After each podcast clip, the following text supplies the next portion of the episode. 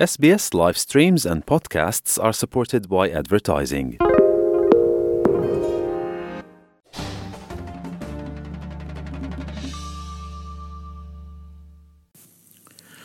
Gjatë kësaj jave në Republikën e Maqedonisë së Veriut janë shqetësuar të gjithë qytetarët, duke u alarmuar për bomba që rezulton të jenë të rreme. Në ambiente të ndryshme, shkolla, aeroportin qendror, gjatë javës ka patur Alarm por edhe në bankat qendrore. Ministri i Punëve të Brendshme, Oliver Spasovski thotë se nuk janë raste të izoluara, opozita po bën një gjë të tillë për rrëzimin e qeverisë sepse u pengon suksesi i vendit. Kryeministri Dimitar Kovaçevski beson se kërcënimet me bomba janë luftë hibride, pra sulme hibride. Sipas tij, kjo shihet nga shtrirja e objekteve në të cilat raportohen bombat, intensiteti i dërgimit, shënjestrimi i objekteve.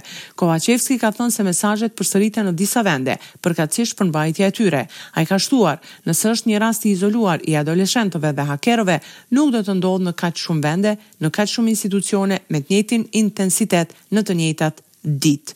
Për më tepër, do të ndjekim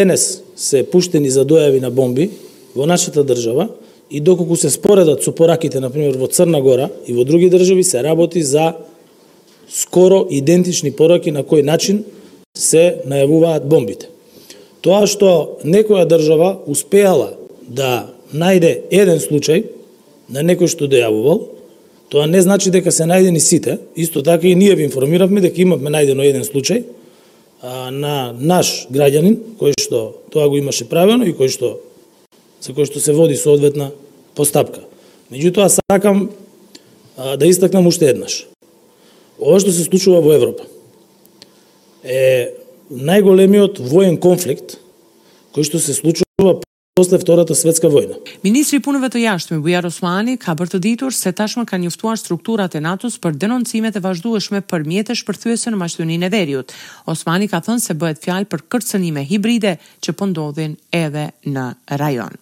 Ndërkohë që gjatë kësaj jave ka qëndruar në shtetin tonë një ekip i amerikanëve të cilët po luftojnë krimin dhe korrupsionin. I pari i shtetit, Stevo Pendarovski, ka thënë se ekipi amerikan ka vizituar vendin edhe më herët dhe se e njëjta bëhet për të krijuar më pas të ashtuquajturën Lista e Zezë e Shteteve të Bashkuara të Amerikës. Edhe pas hutisë së madhe rreth këtij ekipi, ai ka thënë se nuk është ekip hetimor, ata persona nuk janë juristë, ata nuk kanë patur kontakte as me prokurorë, as me gjykatës, as me politikanë, janë diplomatë nga Departamenti i Shtetit, kanë ardhur edhe më herët, do të vijnë edhe në t'ardhmen. Ata mbledhin informacione në lidhje me atë se çfarë po ndodh në gjyqësor, dhe më pas në mënyrë autonome të pavarur nga ne e krijojnë të ashtuquajturën Listë e Zezë apo lista e personave dhe etniteteve nën sanksione, tha Stevo Pendarovski. Ekipi i sanksioneve të Shteteve të Bashkuara të Amerikës erdhi, kërkoi atë që u duhej dhe u kthye në Uashington.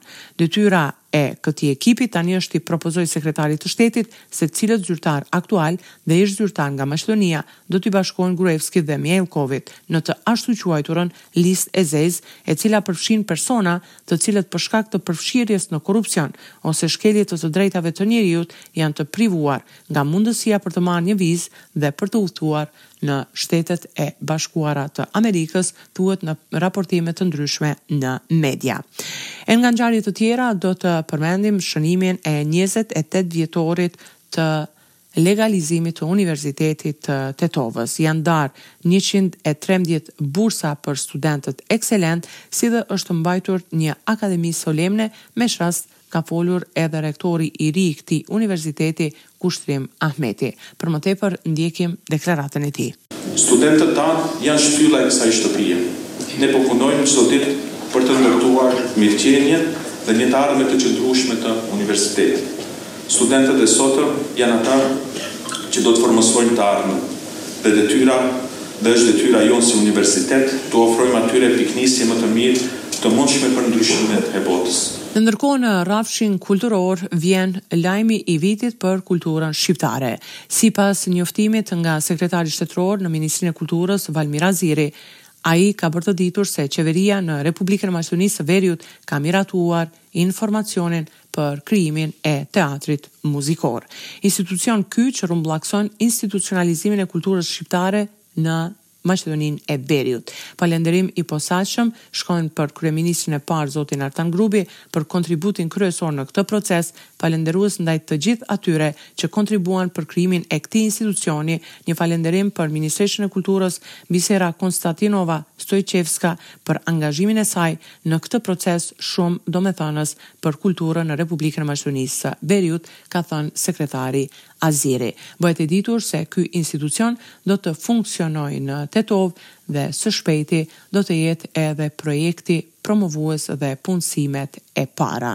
Ky është edhe institucioni që pritej të rrumbullakson në përgjithësi institucionalizimin e kulturës shqiptare në vendin tonë. Për Radion SBS raporton nga Republika e Maqedonisë së Veriut, Besiana Mehmedi.